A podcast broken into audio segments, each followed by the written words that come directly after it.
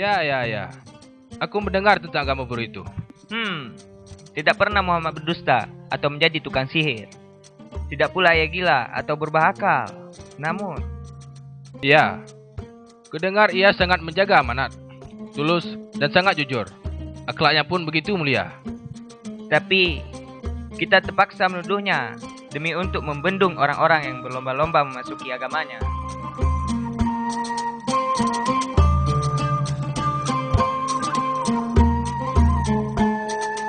thank